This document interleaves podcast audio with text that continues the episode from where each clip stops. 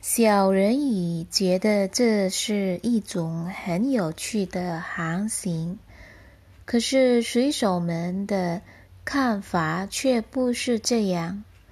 这艘船现在发出碎裂的声音，它出后的板壁被西来的海涛打弯了，船尾像芦苇似的。在半中摇着断了，后来船开始倾斜，水向厂里冲了进来。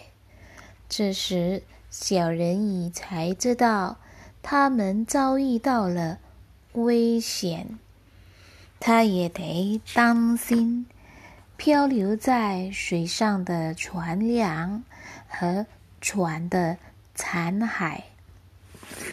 天空马上变得漆黑，他什么也看不见。不过，当闪电射起来的时候，天空又显得非常明亮，使他可以看出船上的每一个人。现在，每一个人在尽量为自己寻找生路。他特别注意那位王子。当这艘船裂开，向海的深处下沉的时候，他看到了他。他马上变得非常高兴起来，因为他现在要落到他这儿来了。可是。他又记起，人类是不能生活在水里的。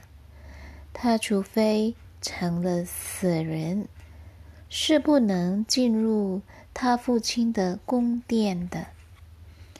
不成觉，不能让他死去，所以他在那些飘着的船梁。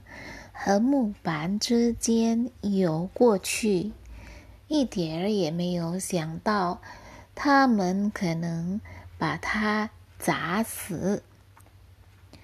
他深深的沉入水里，接着又在浪涛中高高的浮出来，最后他终于到达了那王子的身边。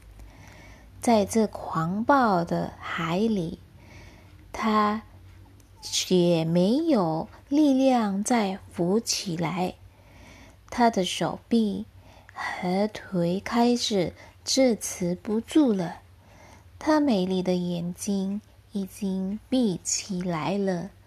要不是小人鱼及时赶来，他一定是会淹死的。他把他。的头拖出水面，让浪涛载着他，跟他一起随便漂流到什么地方去。